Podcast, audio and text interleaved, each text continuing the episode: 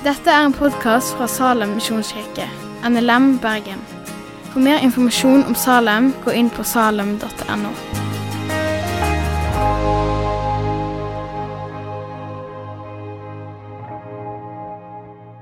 Kjære alle i hus og hytte. Kjære dere alle som kan se gleden i ei rank bjørk. Kjære dere alle som eh, kjenner på en klump i halsen når dere ser en blå og blank fjord. Kjære dere alle som eh, en mild maikveld kjente at alt falt så veldig godt på plass når dere hørte gjøk og Sissi, Trost og Stær. Til dere alle så vil jeg si gratulerer med dagen. Spesielt i dag så vil jeg gratulere min egen far med dagen. Han fyller faktisk året på 17. mai. Og han har den samme vitsen hvert eneste år. Ja, de flagger for meg i år òg. Og dette her er første gang jeg sier noe offentlig på 17. mai eh, siden jeg vant en diktkonkurranse i 5. klasse på Jåtten skole. Pga. et meget skralt og sprakende høyttaleranlegg var det dessverre mange som gikk glipp av det strålende poetiske verket 'Til friheten vår'. Og Jeg vil komme med følgende påstand. Lav lydkompetanse i forskjellige 17. mai-komiteer rundt omkring i dette langstrakte landet har fratatt oss mange sterke framføringer av dikt og taler fra pur unge poeter og elevrådsledere.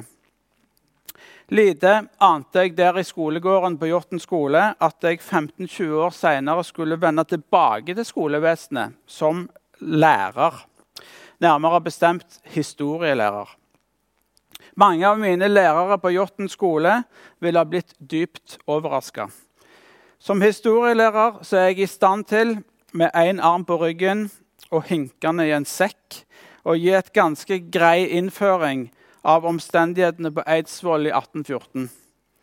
Men det jeg fikk lyst til å si noe om i dag, på selveste 17. mai, her i Norsk Luthersk Misjonssambands storstue i Bergen, det var en liten sammenligning mellom Israels land i år 30 og Norge ca. 1814. Er det mulig, tenker du? Ja, sier vi historielærere det er faktisk mulig. Hvis vi skal begynne med Norge, så var det sånn at Norge var en stormakt på 1200-tallet. Men etter svartedauden kom Norge raskt i forfall, og vi havna i forskjellige unioner med våre naboland. Og Etter hvert så ble vi fullstendig underlagt Danmark. I omtrent 400 år så var Norge ikke-eksisterende som nasjon. Dette kalles for 400-årsnatten. Vi skulle tro at i denne perioden at det var et sterkt ønske i Norge om at vi skulle bli fritt, og at vi skulle bli en egen selvstendig nasjon. Sånn var det egentlig ikke. Noen ønsket at det skulle etableres eh, et eget universitet i Norge og andre institusjoner, men stort sett var folk flest ganske fornøyd eller likegyldige til hvem som styrte landet. Hele denne her nasjonalromantiske bølgen med malerier av norsk natur og dyrking av bønder og bunader og denne leidingen etter det frie og unike i Norge kom litt seinere på 1800-tallet. Det som skapte 1814, var egentlig ytre forhold, der Norge ble en kasteball i oppgjøret etter napoleonskrigene. Nok om det.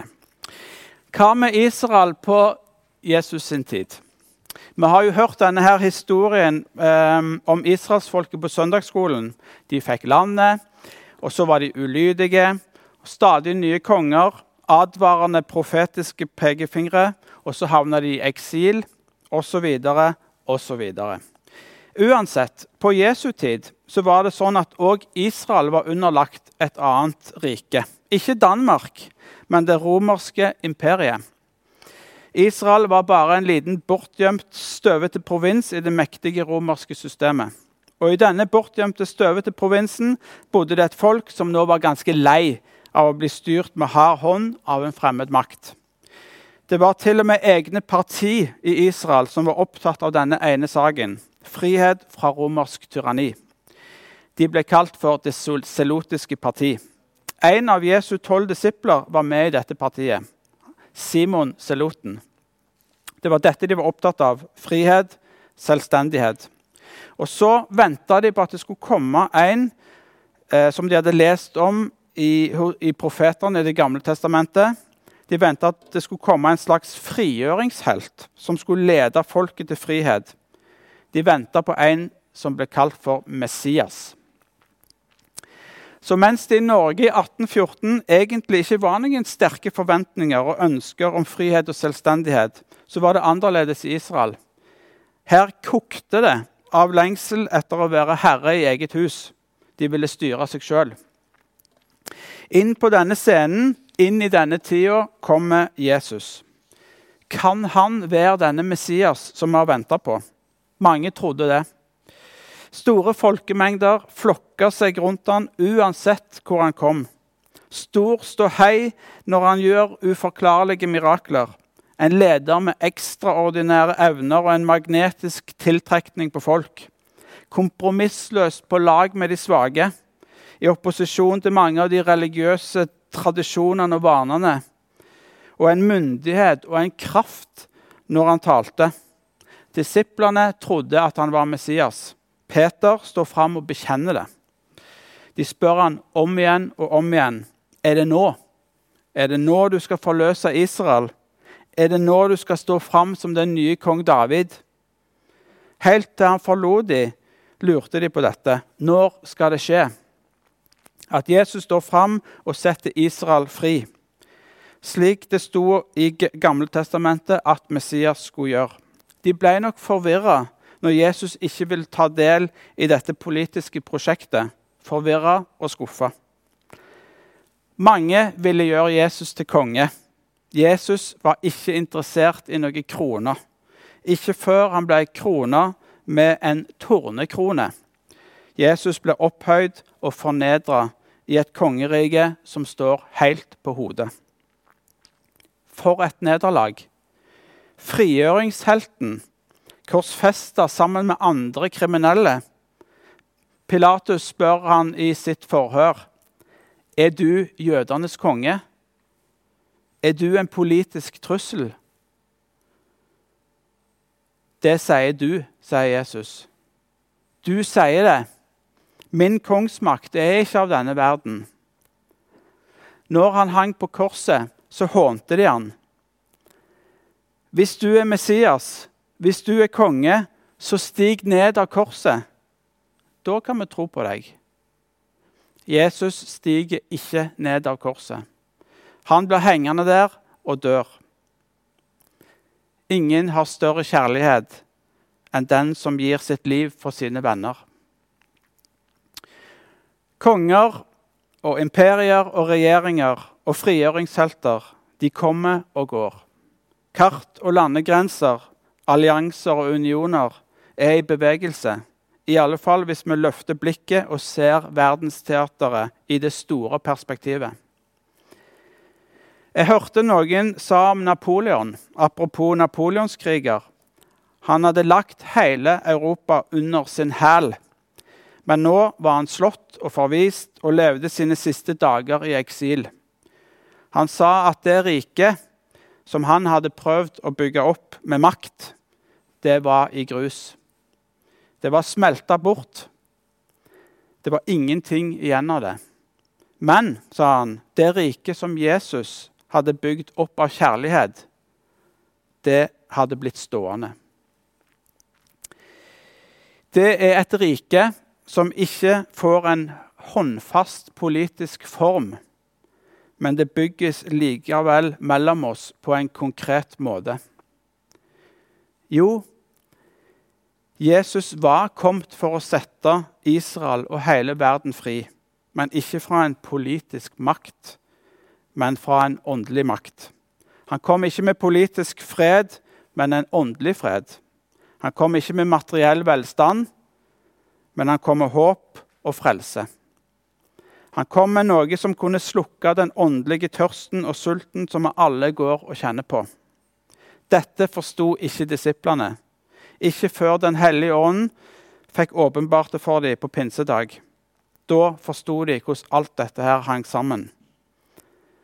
Hva er det vi synger? Jesus, du er konge midt iblant oss.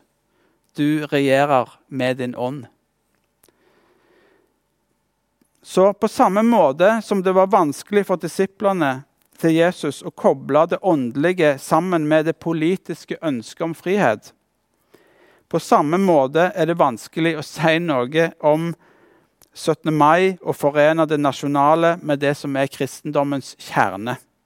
Det er liksom to helt forskjellige verdener som kolliderer. Det er som å prøve å skru en mutter på en for brei skrue. Han får liksom ikke tak på gjengene. Så vi kristne vi har fått en god trening i å holde disse tingene fra hverandre. Det finnes et åndelig rike, det finnes et fredsrike. Og så finnes det en nasjon og en stat. Og særlig her i det lutherske Norge skal vi ikke blande dette for mye. Vi kan være takknemlige for det landet vi bor i, og vi kan få be for konge og regjering, og vi kan få glede oss over alt det vi har blitt velsigna med i dette landet. Men vi lager noen vanntette skott mellom disse verdenene. Det ene er bygd på makt og grunnlov og gode ordninger. Det andre er bygd på ånd og kraft, nåde og frelse. Men når Jesus ber oss om å be La ditt rike komme. Hvor skal dette riket komme? Skal det bare komme inn i vår åndelige virkelighet? Eller skal det òg få materialisere seg i den fysiske verden som vi lever i og beveger oss i? Er det mulig å holde disse verdenene atskilt? Kan vi splitte opp våre liv på denne måten? Jeg tror ikke det. Ingen av oss tror det. Vi må leve med vår åndelighet i en virkelig verden. Jeg leste ei bok en gang. Den heter 'Gjør som Gud. Bli menneske'. Guds rike bygges ikke bare i vår åndelighet, det bygges i vår menneskelighet. Jesus viser hvordan dette ser ut i sine møter med de han traff. Barn, kvinner, fattige, spedalske, en romersk offiser, en toller, en ung, rik mann, fiskere, blinde, prostituerte. Han så forbi alt det som vi ser på, og så viste han fram et rike, en verden sånn som Gud hadde planlagt det fra starten. Dette riket som Jesus har vist oss, skal vi få være med og bygge på her i Salem. Gjennom vårt arbeid og i alle som vi møter i vårt eget konkrete liv. Gud er bygningsmann, og vi får være med med vår begrensede kunnskap og innsikt. Gud vil allikevel ha oss med for å utbre sitt rike. Helt konkret. Vi ber en bønn til slutt. Gud velsign vårt dyre fedreland. Lys din fred fra fjell til strand. Takk for at ditt ord kom hit og fulgte dette landet med lys. Takk for fred og takk for frihet, og takk for alle velsignelser som vi får oppleve her i vår krok av verden. Hjelp oss å løfte blikket og se de som trenger ei hånd. I dag vil vi òg be for kongehus, for regjering og for storting og for alle som styrer i dette landet. Vi ber òg for byen vi bor i, og vi ber for vår egen menighet. Følg oss med din ånd og kraft òg i dag. I ditt eget navn. Amen. Takk for at du har hørt på podkasten fra Salem, Bergen. I Salem vil vi vinne, bevare, utruste og sende. Til Guds ære.